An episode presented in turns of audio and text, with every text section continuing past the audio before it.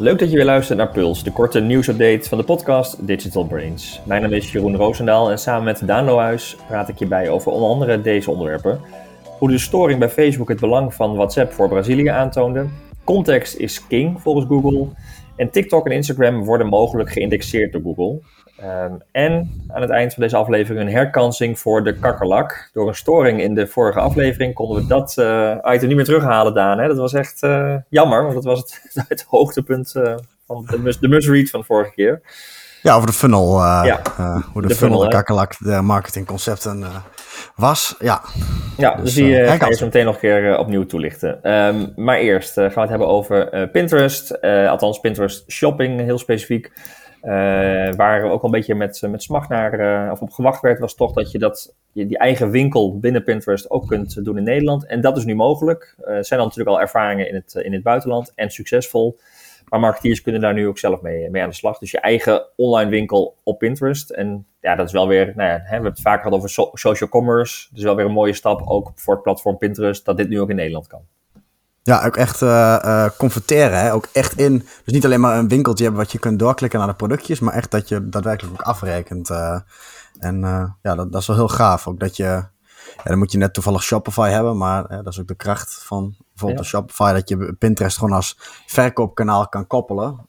en inderdaad ook de, de transacties kunt verwerken in je eigen e-commerce systeem. Dus ja, dat is wel heel gaaf. En het is natuurlijk echt een, een, een platform ook om ja, voor hele specifieke verticals natuurlijk, zoals uh, ja, home, uh, accessoires, klusdingen, creativiteit, ja, noem maar wat, verven, schilderen en ook heel kleding, denk ik ook een heel stuk. Ja, um, ja in, in die verticals zal echt wel hoog gaan spelen. Ja, ja. met inspiratie, met best wel hoge aankoopintentie op dat moment. En je ziet hè, dat je dus eigenlijk dan veel meer je, ja, de transactie vindt plaats op het platform van, um, van Pinterest in dit geval. En je hoeft dus niet naar een andere uh, naar je eigen webshop te leiden bijvoorbeeld. Hè. Dat zie je, al die platforms willen dat uiteindelijk natuurlijk. Ze hebben de data, je kunt veel sneller en frictieloos kunnen ze die journey beïnvloeden. Ja. en Pinterest is daar een hele mooie, mooie platform op voor. Heel ja, dat is echt uh, social commerce dit. Ja. 100%. Precies waar we het over hebben, zeg maar. Ja. En uh, ja, gaaf uh, als je in Nederland dus ook een, een, ja, je business hebt. Um, het is um, uh, ja, je moet vooral aan de, achterkant moet erop ingericht zijn om, het, om het te kunnen zijn. Je moet wel met jouw platform kunnen koppelen en de transacties kunnen afhandelen. Ja. alleen het, ja, als je een shopping feed hebt eigenlijk, dat, dat, dat is het. Ja. Net als je op bol.com, nu, nu sla ik het waarschijnlijk te plat hoor. Specialist zal zeggen, nee, het is echt wel anders. Maar in de basis is het niet heel veel anders dan dat je in de, in de market, of conceptueel moet ik zeggen, is niet zoveel anders dan dat je op een marketplace ook je producten aanbiedt. En in dit geval in Pinterest. En je hebt nog een stukje controle, omdat jij die shop en de content erin zelf natuurlijk ook uh, beheert. En je bent, uh, je kunt natuurlijk shopping ads doen, maar het hoeft niet. Dus uh, ja, dat gaat dichter bij elkaar zitten. Alleen dit is echt op, op social en meer een plek waar mensen, denk ik, zitten te zoeken en inspiratie zoeken dan op een marketplace over het algemeen. Wat, ja. wat koopgerichter natuurlijk is, maar je ook minder nieuwe klanten uh, uh, ontdekt uh, voor producten die op Marketplace moeten echt actief naar gezocht worden, naar jouw producten en jouw categorie. Dit zijn meer dingen waar ja, misschien mensen nog niet eens specifiek naar op zoek zijn, maar wel in een bepaald stijlpatroon passen of bij bepaalde toepassingen. Dus, ja, ja. Het is echt een online etalage. Je kunt het ja. zelf koppelen vanuit het business account voor, voor, voor, voor de advertentiemogelijkheden binnen Pinterest. Je kunt ook meerdere feeds uploaden. Uh, nou, en eigenlijk op die manier ook je eigen catalogus samenstellen. Dus uh, ja. interessant, ga er naar kijken. Nou, wat je net al zegt ook trouwens, etalage inderdaad. Dat is ja. het verschil tussen of je inderdaad in de, in de gamma tussen de klusspullen ligt, zeg maar. Uh, of, of dat je echt inderdaad door een winkelstraat heen loopt. Dit is een winkelstraat, etalage, waarin ik iemand naar links kijkt en denk, wauw, wat een gave winkel, ik loop er eens naar binnen. Hier ga je verleid worden inderdaad. ja. ja. Hey, en dan hebben we een bericht vanuit uh, Google. Um, eigenlijk, het geeft een heel mooi inkijkje waar, uh, waar Google naartoe wil, naartoe gaat. En ja, best ook wel lijkt het impactvol. Misschien nog bijna niet voor te stellen voor ons nu hè, hoe het zal zijn. Maar ze hebben het echt over een soort herontwerp van, van Google Search. Ja. Um, want ze gaan uh, ja, eigenlijk nog veel verder met die machine learning, hè, die artificial intelligence, waardoor ze ook veel meer vanuit de context, en niet alleen de zoekopdracht, maar ook veel meer van de context die ze eromheen allemaal hebben qua data, je ja, bijna kunnen gaan, echt, echt nog verder gaan helpen. En dat nog niet, niet alleen maar meer in uh, getypte tekst, uh, maar nou ja, voice, hoewel dat daar waren verwachtingen hoog. Dat blijft kennen we al lang, achter, Ja, die kennen we, maar dat, dat valt nog wel tegen hoe vaak we nou echt allemaal tegen Google praten voor zoekopdrachten. Uh, maar Google Lens, hè, de camera, is natuurlijk ook, hè, de beeldherkenningssoftware die ze hebben, is natuurlijk ook een hele mooie toevoeging daarin. En dat is eigenlijk wat Google gepresenteerd heeft of gedeeld heeft. Het wordt anders en het wordt eigenlijk over veel meer, um, ja, hoe zeg je dat, uh, views, perspectieven, um, uh, hoe je het kan gaan, hè, hoe je Google Search gaat gebruiken. Ja, wat, ik wel mooi vond, dat ze eigenlijk van, ja, de meesten denken dat Google Search nu wel klaar is met ontwikkelingen, dat het altijd zo'n zoekbalk blijft. Ja. Um, en we hebben het al eerder een keer gehad, geloof ik, ook in een andere Puls aflevering, over dat, uh, hebben het wel eens gehad over Bert. En die hele aflevering, ook uh, op YouTube bijvoorbeeld, wat liet zien hoe Bert dan ontwikkeld werd intern en zo. Uh, dat is al even een tijdje geleden. Toen hadden we al, uh, zeiden we, hey, Google komt echt met een heel nieuw machine learning model. Dat was dat MUM, Multitask Unified Model. Ja. Wat dan nog beter ook de context van de gebruiker, vandaar komt dat context is king vandaan.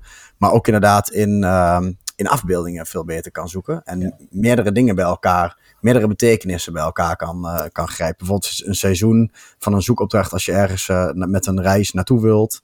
Uh, dan kan hij zowel begrijpen de locatie als het seizoen en de tijd van het jaar dat je daarheen wilt. Ja. Um, dus je kan veel meer je multitasken, zeg maar. In dat, uh, hij gaat niet om één query, maar hij, hij, zoekt ah, misschien wel drie betekenissen bij elkaar. En hij kan zoeken in afbeeldingen. Ja, want ze laten bijvoorbeeld zien. Uh, tekst. Google heeft zelf een video gedeeld waarin je bijvoorbeeld een patroon van een blouse, hè, wat je, nou ja, een bloemetjespatroon van een blouse, wat je voorbij ziet komen. En dan kun je aan Google vragen: ik, wil, ik zoek sokken met dit patroon. Met dit patroon, exact. En dat ja, kan Google dan gaan zoeken voor je. Ja, en dan kan hij tegelijkertijd snappen wat is dat patroon en sokken. En sokken. En kan hij waarschijnlijk ook nog op jouw maat, bij wijze van spreken, dat hij weet wat je eerder hebt gezocht, dat hij die resultaten voorrang geeft, bijvoorbeeld. Ja. En, um, en, en wat ik heel interessant vond, is um, wat ze zeiden van er komt ook, uh, en, en, dit gaat echt impact hebben, ook voor SEO denk ik.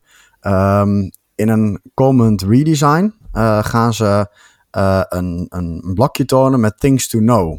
Mhm. Dus uh, um, wat je nu al ook een beetje hebt van mensen zochten ook naar. En dan zie je een soort van query. Dat hij dus meer gaat, uh, um, gaat zeggen van... hey, als je dit zoekt, dan wil je waarschijnlijk dit ook weten. Dus in plaats van dat jij elke keer controle hebt over je zoekopdracht... en elke keer opnieuw moet gaan googlen met een je aangeschepte zoekopdracht... gaat het veel meer werken zoals een social platform... die ook naar de volgende content leidt. Dat hij zegt, ja, dit is waarschijnlijk het volgende wat je wil zoeken... op basis van jouw context. Ja, dus het is ah. minder, ik vind dat Google zoals we het nu kennen is vooral, uh, ik vraag en krijg een antwoord en dan stopt de journey vooral. Hè. Ja, of je, scherpt, scherpt hem aan. Je scherpt hem aan, ja, dat kan ook. Ja. Maar nu gaat Google daar een stap verder in. Hè. Je kunt dus op andere manieren zoeken. Je kunt dus al echt dingen gaan vragen aan Google, uh, met foto's gecombineerd met tekst. Um, en ze gaan je nog verder helpen in de journey, wat, wat je nog meer zou willen, wat je waarschijnlijk nog meer geïnteresseerd bent. Het is ook een stukje weer verleiding, ook een beetje de etalage wellicht, maar wel vanuit de context.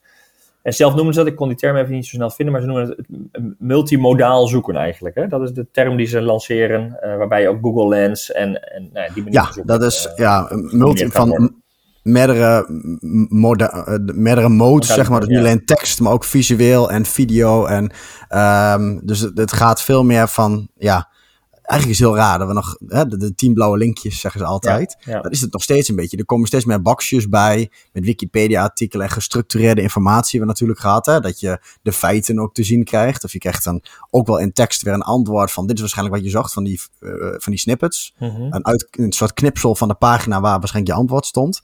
Uh, maar het is nog steeds allemaal heel veel tekst. En uh, ja, wat ze dat met dat mum bedoelen inderdaad is, uh, uh, ja, dat kan ook video zijn of videofragmenten of iets visueels zoals Google Lens van een patroontje wat je interessant vond. Doe mij meer van dit. Ja. Dat ze dat filmen in één. Nu heb je nog afbeeldingen letterlijk bovenin staan volgens mij. Ja. Video's en webpagina's. Heel Ik heb die dat ze daar vanaf willen. Het gaat gewoon om een soort content zoekmachine en op welke manier of welke vorm dat is. Dat staat multimodal volgens mij.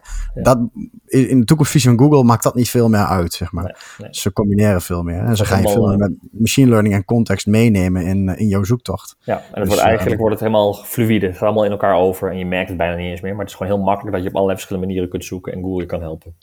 Ja, het gaat wel grote gevolgen hebben, kan ik me zo voorstellen, voor SEO-marketeers. Want je moet, die, die, brondata wordt nog crucialer, maar niet alleen de tekstdata, maar ook dus de informatie over afbeeldingen. Uh, wellicht ook de, nou ja, de, de voice-toevoeging daarin. Ja, veel met data ook, van wat is gerelateerd aan elkaar. Mensen die in die pool zitten, hoe kom je dan in die, in die context en in die suggesties terecht, zeg maar. Dat wat in de toekomst, denk ik, daar hebben we niet over volgend jaar, maar in de komende jaren, denk ik wel een, wel een trend. Ja. Dat is ook wel interessant. we zullen in de show notes, denk ik, ook het linkje er even bij doen. Ja, jij had het artikel van The Verge erbij gezet. Maar dat best wel mooi ook wat uitgelicht met wat concrete voorbeelden erbij. Dus mag je nou echt geïnteresseerd zijn in search en die ontwikkelingen willen weten. Ja, ik denk dat artikel wat jij hebt gelinkt, dat is echt wel een, een goede om dat ook even ja, even een doorkijkje met wat visuele elementen ook goed eruit kan, ja. kan gaan zien. En een stapje waar het ook, uh, wat ook aangekondigd is of uitgelekt is volgens mij, is dat Google nu ehm, ook Instagram en TikTok video's wil gaan integreren in de zoekresultaten. Dat geeft ook een beetje aan dat ze die content op hun eigen platform willen gaan krijgen vanuit de verleiding ook wel weer. Uh, maar misschien ook gewoon weer om hele relevante, inspirerende content te kunnen tonen. Want dat zijn natuurlijk twee platforms waar heel veel inspiratie plaatsvindt, waar heel veel gebeurt. Uh, maar nu ja, overweegt Google dus om uh, die content echt daadwerkelijk indexeerbaar te gaan maken. Ja, ik denk dat, dat ze het wel graag zouden willen. Het is natuurlijk wel zo dat uh, um, het doet heel erg denken aan Twitter.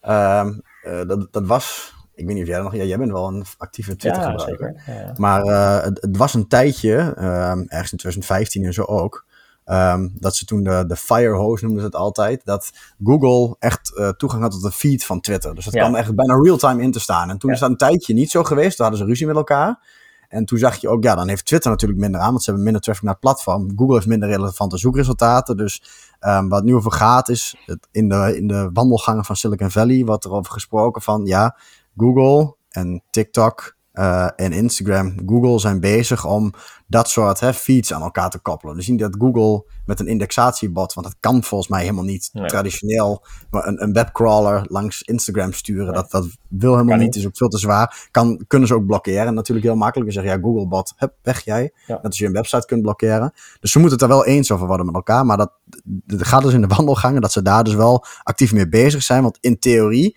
is het hè, uh, een win-win-win situatie. Ja. Instagram, uh, TikTok krijgt meer traffic vanuit Google Search. Daar kunnen dingen die viral gaan, die worden gegoogeld, kunnen we meer nieuwe gebruikers ook kennen maar laten maken met het platform. Want sommige mensen gaan niet altijd naar TikTok toe. Uh, met name de oudere generatie bijvoorbeeld. Als je die op TikTok wil krijgen, moet je zorgen dat ze in Google af en toe wat TikTok-filmpjes te zien krijgen. En dan denken, wat is zo het platform? In principe is het dom dat ze het nu nog niet doen. Dus, uh, maar dat zou een grote zijn uh, als, als dat inderdaad ook daadwerkelijk gaat gebeuren. En die dingen worden ook geïndexeerd. Dus, ja, ja. En ik weet van Google toen in de discussie met Twitter, maar wat je zegt, dat is jaren geleden. Ze hadden moeite om op actualiteiten in te kunnen spelen. en dan ook actueel nieuws te kunnen gaan tonen. En daar hebben ze best wel ook, ook mede door Twitter, geloof ik, uh, stappen in gemaakt. Enerzijds de Twitter-feeds, Twitter-actualiteiten. En later ook echt de nieuws-toevoeging uh, binnen Google zelf. Dat ze heel snel nieuwsberichten, de nieuwsmedia kennen. En heel snel dus ook, als er iets in het nieuws is, daar heel, heel erg ja, actief ook de, de resultaten Ja, met een directe koppeling, zeg maar. Niet een webcrawler die elke keer langs gaat. ja. Um, maar goed, wel een interessante ontwikkeling wat dat betreft, uh, waar dat platform naartoe gaat. Uh, en weet je, precies wat je zei, we dachten een beetje misschien wel van Google is klaar. Hè? Dit is Google en het blijft Google. Maar hier zie je echt alweer een hele nieuwe dimensie ontstaan. Uh. Ja, ja, was ook echt een eye-opener. Je stuurde dat ding door en dat Search On event was dus geweest, waar ze dat ja. hebben aangekondigd. Toen dacht ik echt, wow, ja, ik, ja. ik snap hem weer voor de komende jaren. We zijn inderdaad lang niet klaar. Nee. Ja, nee. ja, ja. Het is weer mooi doorkijken. Ja. Ja. Um, en Shopify uh, moet het ook nog even over hebben, want uh, ja, jij hebt het al vaker uh, gehad over de, de anti-Amazon-alliantie, die daar, de alliance die daar tegen zijn, of met elkaar de, de, krachten bundelen om gewoon een heel sterk ja. tegen Amazon. die ja, het alternatief als je nog e-commerce bent, uh, zeg maar, ja, alles, Amazon neemt alles over. Wat is dan de. Ja, is er überhaupt een alternatief? En die mag, nou, Shopify neemt daar een grote positie in. En nu zijn er nieuwe cijfers uit Amerika dat Shopify zelfs Amazon inhaalt qua traffic. Ja, dat is best wel een belangrijke metric. En daar werd een beetje ook, kwam wat bus over.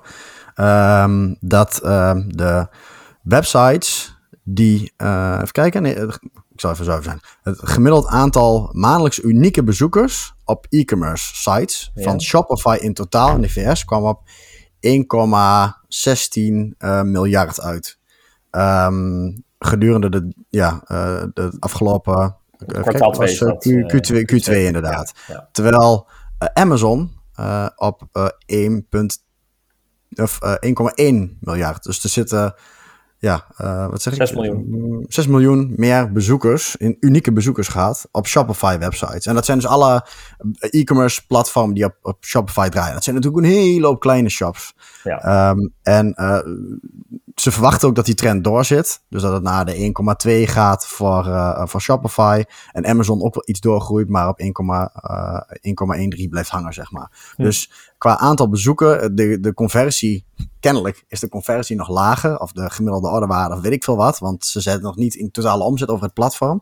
Maar op zich vind ik dat een hele gezond teken. Want dat betekent dus dat Amazon het echt een marketplace is. Ja. En Shopify, voor degenen die het niet kennen, dat vind ik het ook mooie ervan. Is uh, het model van Shopify is ook echt op transacties gebaseerd.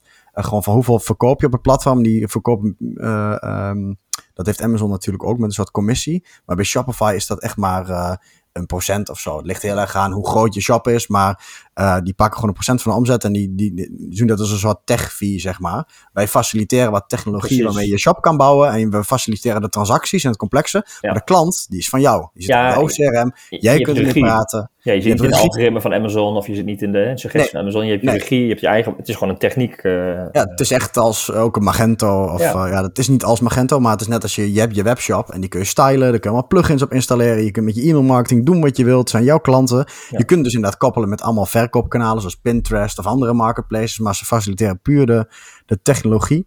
En uh, daar pakken ze een kleine fee van. En ja, jouw groei is ook hun groei. Hoe meer groter die shops worden, hoe ja, groter dat aandeel van het percentage. Ja. En ze zullen het niet, uh, uh, ja, zoals Amazon, die, die, die gaan bij spreken nog in jouw producten verkopen als het goed loopt. Ja. Ze denken, ja, we gaan het zelf... Dat is een bedreiging. of er gaan hele hoge commissies en daar ben je, ja, die, die toch te veel grip op hele, die wat krijgt te zien. Ja, ja, en, je, en, en, en Amazon die wil ook liefst uh, ja, de logistiek en zo uit handen nemen uh, straks. En dat gaat Shopify uh, niet doen. Die koppelt met de beste, het is een beetje ja, best of breed, zeg maar. Ja. Shopify kan met heel veel koppelen, met heel veel vervoerders en dat soort dingen. Daar zijn ze op ingericht. Ja. Niet zozeer om alles over te nemen. Dus ehm, ja, vandaar die, uh, die, ja, die anti-Amazon-allianties. En dus alle mensen die met Shopify koppelen en de, de platformen en de advertentiefuncties. Ja, maar het geeft vooral aan dat, ze, dat het echt een sterke positie is uh, voor Shopify ook. Dus, uh... Exact, dat geeft het aan en dat model werkt. Dus ja. ik verwacht ook in Europa dat dat soort Shopify vergelijkbare platformen zal steeds grotere rol ja. gaan spelen. En dat is op zich gezond, want dat is voor marketing. Meer diversiteit is leuk. Dus vandaar ook een mooi cijfer om, om te zien dat het die kant op, op gaat vallen. Ja, en een, ander, een ander interessant cijfer wat we even moeten delen was, uh, of is het cijfer rondom uh, de, ja, de kijkcijfer, traditionele kijkcijfers. Uh, want het blijkt dat als je kijkt naar de, de streaming, dat YouTube ook echt een hele prominentere, veel prominentere plek krijgt in het tv kijken. Ja. En dan niet zozeer het tv kijken op je telefoon of op je tablet, maar echt ook op het tv-scherm. Exact, op, op de smart tv. Uh, en uh, wel grappig, echt gewoon Stichting Kijkonderzoek ook. Die natuurlijk al steeds meer streaming en zo gaat meenemen. Want je kunt er niet meer omheen dat mensen Netflix en Videoland en dat soort dingen bekijken. Maar uh, wat opvalt is dat ja, YouTube daar ook met 5 miljoen maandelijkse kijkers gewoon tussen staat. Ja. dus, ehm, en het, het, grote verschil is natuurlijk Netflix en Videoland kunnen we als marketeers natuurlijk niet zo heel veel mee. Leuk dat mensen daar series op kijken, maar dat is gewoon een bepaalde een betaalde subscription uh, service. Maar YouTube heb je natuurlijk nog het adverteren. Uh, en ja, die zit allemaal in de Google stack. Uh, dus iedereen, eigenlijk met ook, als je een Google Ads campagne draait, kun je in potentie ook een Google Ads campagne ja. draaien. Die dus ook op YouTube en op televisies verschijnt. Op een hele specifieke doelgroep. Dus uh, ja, dat, dat het interessante is dat YouTube werd vooral als het ja, online kijken, zeg maar, gezien, maar dat het naar de tv echt in de huiskamer komt en meerdere mensen dus dat naar YouTube kijken, is het, ja, het is een van de kanalen van on-demand naast Netflix, Videoland, maar ook je gewoon je eigen apps om programma's later te kijken of terug te kijken, bijvoorbeeld. Ja, je ziet echt een beetje dat het, het traditionele beeld van on- en offline af gaat brokkelen op deze plek, zeg maar. Dat wat, ja, een soort grijs gebied. Is dat dan offline of online? Ja, tv was altijd een soort offline kanaal gezien. Ja, dat begint steeds minder uh, duidelijk te worden, dat onderscheid. Dus, uh, en misschien wel leuk, uh, want deze ontwikkeling, nou die wordt nu ook traditioneel ge gemeten en gezien. Bij Google hebben ze deze ontwikkeling natuurlijk ook al een tijd in beeld. Um, en we hebben binnenkort een, een deep dive met Sophie Jacobs van Google, die ja. ook verantwoordelijk is voor YouTube binnen Google. Waarin zij ons ook ja, waar we gaan sparren over deze ontwikkelingen, deze inzichten, de impact van YouTube eigenlijk op het tv kijken in, in Nederland, maar ook wereldwijd. Uh, dus die kan je binnenkort verwachten. ja, dan gaan we er helemaal diep op in. Gaan we er helemaal diep op in, inderdaad. Ja. Dan nog, we zijn bijna bij de, de funnel als de kakkelak van de marketing. Maar we moeten nog eerst even naar Brazilië en WhatsApp. Want we hebben best wel vaak als ontwikkelingen zijn over WhatsApp dat die testen, hè, of die, die, die pilots gedaan worden in Brazilië. we hadden allebei zoiets van, ja, waarom eigenlijk? Waarom? Vroegen ons letterlijk af. Ja. En toen kwam daar, was daar de, de grote storing bij Facebook, WhatsApp en Instagram. Ehm, en hoewel wij dan met elkaar, of met z'n allen zeg maar in Nederland, een avondje wat anders moesten gaan doen, ehm, lag in Brazilië wel bijna een hele economie plat. Ja. En, en dat gaf wel eigenlijk het inzicht dat dat een, ja, dat, dat begrijpen we nu veel beter. Uh, maar Brazilië, daar hangt alles aan WhatsApp ongeveer. Hè? Ja, dat deed me een beetje denken. Ik zag dus inderdaad ook een NOS-correspondent. Toen dacht ik, ja, dit moeten we wel even benoemen. Want die, die, die vraag bleef er vervolgens meer achter zitten. En die beschreef het als een soort, ja, zoals je WeChat ook in China hebt. Ja. Die zegt dus inderdaad, in Brazilië lag alles plat. Na lunchtijd was het, uh, ging dus mis met uh, de grote storing. Je doet je bestellingen en, voor de lunch. Met alleen al in Sao Paulo zitten er 175.000 restaurants die gewoon WhatsApp gebruiken voor een primaire bestelkanaal. Geen thuisbezorgd of iets dergelijks. Dus die hadden gewoon helemaal niks meer te doen. En dat, dat kan via de telefoon, is natuurlijk alternatief. Maar je kunt niet zoveel telefoontjes tegelijkertijd aan als je kunt chatten. Nee. Dus uh, je ziet dat dat messaging via WhatsApp ook, uh, maar hij beschrijft ook artsen, de school, de fysiotherapeut. Het zit zo ingeburgerd, zeg maar. Ja. Um, dat dat, uh, ja, dat inderdaad een hele economie, die afhankelijkheid daarvan is zo groot. Ja. maar nu dus snap je ook heel, heel, goed die update dat ze dus bedrijven vindbaar willen laten maken binnen WhatsApp. Ja. Want als je WhatsApp als communicatiekanaal ziet, zoals wat in Brazilië dan is, om bestellingen te doen of, of ja, te reserveren. Ja, ook een, ja, een restaurant te zoeken, dan snap je de bedrijvengids. Dan, dan, ja, dan wil je de bedrijvengids erin hebben. Wij denken in Nederland, waarom dan? Maar uh, dus de vraag is of het ook naar Nederland komt, dat soort functies. Maar je ziet wel dat het dus voor Brazilië echt een hele, hele mooie ontwikkeling is. Ja, en, en als je dus uh, het inburgert, en ik geloof ook dat, ja, we hebben een soort van wet van remmende voorsprong. Wij oh. konden al uh, whatsappen, we, we hebben wat meer e-mail gebruikt natuurlijk met, uh, naar bedrijven toe. Alleen als het dus losgaat met messaging, wat we echt wel als grote toekomst ja. natuurlijk zien, dat je steeds meer, Google ook met, op, op, in de, met de Google My Business vermeldingen, dat je daar kunt chatten. Dat je gewoon op een, op een vermelding kan zetten en een berichtje kan sturen van je Google-account naar een bedrijf. Ja. Um, en al dat soort messaging toepassingen. Ik weet zeker dat wat straks heel groot. Ik denk dat we dit ook over tien jaar ook in Nederland normaal vinden. Dat je gewoon aan het chatten of aan het appen bent met een bedrijf. Ja. Alleen ziet gewoon in Brazilië dat dat er nooit was. Hè? De telefoon, e-mail is nooit echt wat geworden daar, denk ik.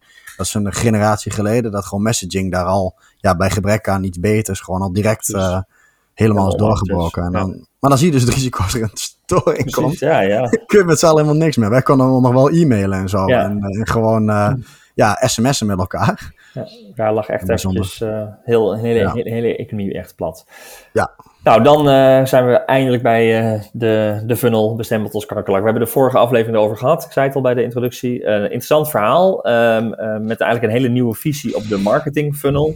Maar doordat er een storing was in de microfoonkabel is dat deel weggevallen. En omdat ik niet meer een oortje in had om te luisteren of onze audio nog steeds goed was, heb ik het niet opgemerkt. En, en nou, ik zag het pas achteraf in de montage, konden we niet herstellen. Dus daarom het, voor de tweede keer het podium aan jou, Daan, om dit nog even weer toe te lichten. Nou ja, ik ben ook wel benieuwd wat jij... Nu heb je het verhaal natuurlijk al ja. gehoord. Dus uh, uh, ja, en het, het belangrijke is, het was ook een must-read. Hè? Dus ja. uh, kijk, het is voor mij ook heel lastig om het hele artikel in één keer erdoor te halen. Um, dus ik probeer ook de vorige keer de essentie eruit te halen. Maar het gaat erom, het is wel een hele interessante kijk op... Um, ja, de, hè, een andere manier van, een andere visie op de funnel en eigenlijk ook nieuwe fases creëren. Uh, ja. in, echt een nieuwe funnel als, hè, als outcome van deze, ja. ja deze visie. En dat wordt even gezegd de kakkerlak, hè, dat is ook wel natuurlijk om te triggeren. Maar eigenlijk uh, moeten we anders naar de funnel gaan kijken.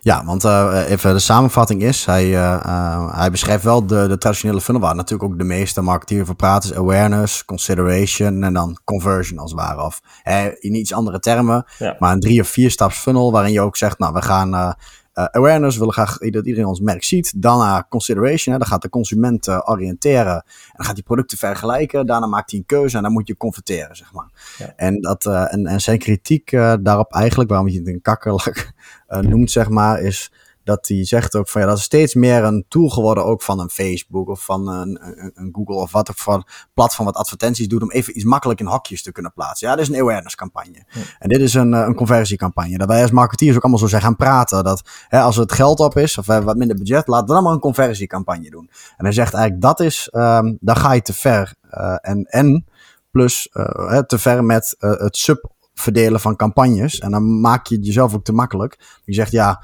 alsof in een conversiecampagne in één keer geen creativiteit meer mag zetten. En dat awareness, als je dan vaak genoeg vertoond bent geworden, dan is het ook goed. Je slaat dingen te plat en je maakt het te simpel. En dan zegt eigenlijk, als je ook de wetenschap bekijkt, en dat doet hij wel goed, hoewel hij geen referenties geeft, noemt hij wel bekende onderzoeken en inzichten die er over de afgelopen jaren al zijn ontstaan. Waar het eigenlijk zegt dat die funnel van awareness en consideration en conversion ook niet klopt. Mhm. Ehm, en dat doet hij wel goed. En uiteindelijk eindigt hij ook met een andere funnel. Um, en dat is wel even goed om te. uh, hij gaat per onderdeel gaat hij eigenlijk langs. Dus wat is er nou eigenlijk mis met de awareness fase? Hij zegt er ook van ja, dan gaat het eigenlijk veel meer om ja, mental availability noemt hij dat. Uh, of uh, uh, salience, of opvallendheid, of hoe onderscheidend je bent. En associaties met, met de categorie ook van jouw merk. Hij zegt eigenlijk is awareness veel te makkelijk. Um, het gaat ook echt om uh, uh, dat je merkbekendheid op hebt gebouwd. Dus dat je ook echt de awareness uh, meet, bijvoorbeeld in je share of search. Of hij draagt een aantal KPI's aan. Ik ga ze niet ontleden, wat te ver. Maar hij zegt, ja, je hebt een aantal KPI's die veel verder gaan alleen maar dan zichtbaarheid zijn. En awareness is ook als marketingconcept, dat je merk kent, is niet genoeg. Weet je wel, is te plat. Dus um, dat, dat is gevaarlijk. Kijk, sommige marketeers denken natuurlijk wel genuanceerder over na dan dat. Mhm. Maar om dan maar een campagne af te gaan rekenen op vertoningen of klikken of zichtbaar zijn. En zeggen, en daar gaat het vaak mis. Dan is het, dan is het een kakkelak, zeg maar. Ja, dus te kort door de bocht. Ja. Te kort door de bocht. Het, het, het ligt wat genuanceerder. Uh, maar eigenlijk gaat hij nog verder in consideration en conversion fase, zeg maar. Consideration, en dat is een hele mooie, want dat heeft Google ook echt goed onderzoek gedaan afgelopen jaar. Die hebben we ook uh, uh, benoemd. Uh, de messy middle noemen ze dat. Dat is een concept waar Google vaak wel op de proppen komt en ook echt het consumentenonderzoek is ontstaan. Ja. Um, waarin zij eigenlijk zeggen, ja, consideration, um, die fase, die is eigenlijk een, een, een uh, dat is niet van ik maak een keuze en dan kies ik wat. Het is continu een cyclus tussen um, uh, een soort evaluatie en ontdekking. Daar ontdekken mensen ook weer nieuwe merken, zeg maar. Ja. En, um, het zijn geen harde scheidslijnen, het zijn eigenlijk fases waar iemand zich in zit, maar je kunt ook weer in andere, eh, van de ene naar de andere fase gaan. Ja, ja. En, dat, uh, en dat, dat, daar is dat Messi-middelonderzoek pakt hij er ook bij. Um, dan uh, maak je ook heel e emotionele beslissingen. Uh, en daar heb je die, um, die concepten, ja, die noemt hij ook. The Power of Now, van urgentie, social proof, uh, schaarsheid, de category heuristic, heuristics, dus hè, de, de, kleine, simpele keuzes van wat is belangrijk aan dat product. Ja. Dat je dat goed bondig beschrijft, de USP's. Um, en um, ja, hij noemt ook een aantal KPI's die er mooier bij passen dan gewoon ja, de, de consideration en even een paar keuzes voorleggen. Ja. En um, bij conversion zegt hij uiteindelijk inderdaad ook van uh, ja, dat dat ja, dat, dat, dat is ook echt zo. Um, dat een conversiecampagne vaak. Zet er een call to action neer en mensen moeten gewoon nu actie ondernemen, zeg maar. Hm. Daar heeft hij ook kritiek op. Dat hij zegt van ja, alsof daar in één geen creativiteit meer mag. En, um, um, uh, en, en uh, ook denken dat dat dan de campagne zijn die alles moet binnentikken. Alsof er geen performance kan zijn in die middelste uh, fase of in die bovenste fase. En hij noemt het ook eigenlijk meer een, een connection met de klant. Je hoeft niet gelijk te keihard te maar je wil vooral een klantenbinding, dat je first party data krijgt bijvoorbeeld. Een klant is echt geïnteresse en wil verder. Um, en, um, en nogmaals, dat daar creativiteit ook echt wel mag en dat het echt niet slecht is als je dan geen duidelijke knop in hebt staan, zeg maar. Nee. Dus um, wat jij zegt is van ja, de, de, de, de automatische piloot uh, gedrag waar een klassieke funnel toe leidt, ja, dat moet eruit. En uh, ja, daarvoor heeft hij ook uh, ja, dus een nieuwe funnel met wat nieuwe KPI's, iets andere labels.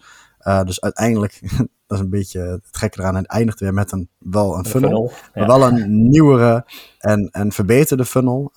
Die ja, toch denk ik wel ook qua, qua KPI's krachtig is. En hij noemt hem uiteindelijk in plaats van awareness, eh, consideration, conversion, noemt hij eigenlijk building, dus het bouwen van je merk. Ja. Um, uh, associaties aanbrengen. Uh, en um, nudging, dat is dan eigenlijk meer in plaats van consideration, dat je ja, de klant duwtjes geeft de juiste kant op, met, om nieuwe associaties op te bouwen met jouw product, met USP's bijvoorbeeld. En eigenlijk ja, de in-market doelgroepen goed bewerken en, en die signaaltjes afgeven. En daarna connecting.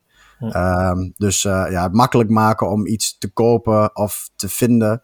Uh, in plaats van conversie, dat het inderdaad een soort, hij zegt het meer wegwij bewegwijzering neerzetten naar de, naar de aankoop, zeg maar. Ja. In plaats van uh, gewoon, hier heb je een prijs en klik nu in koop. Ja. Dus um, ja, dat is. Visie. Uh, ja, mooie visie erop. En terecht. Ja, en hij heeft ook echt een paar objectives en KPI's die je zou kunnen gebruiken. Dat is ook heel praktisch.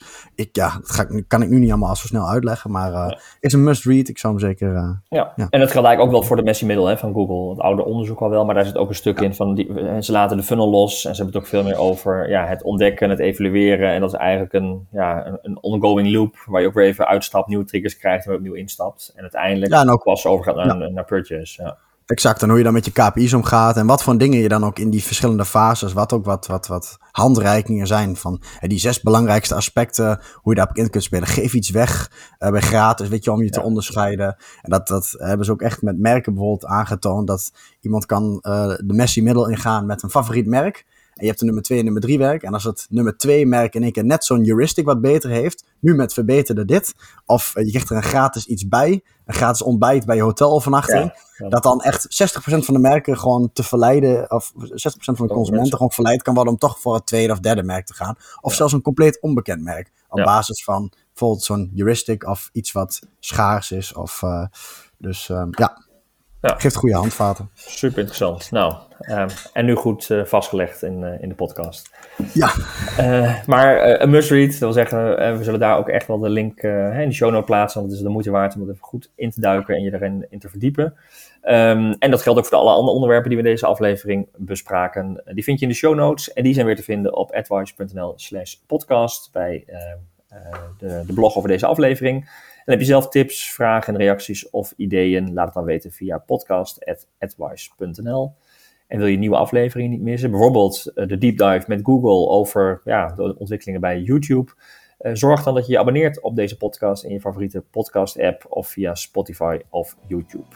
Voor nu weer uh, bedankt voor het luisteren en heel graag tot de volgende aflevering.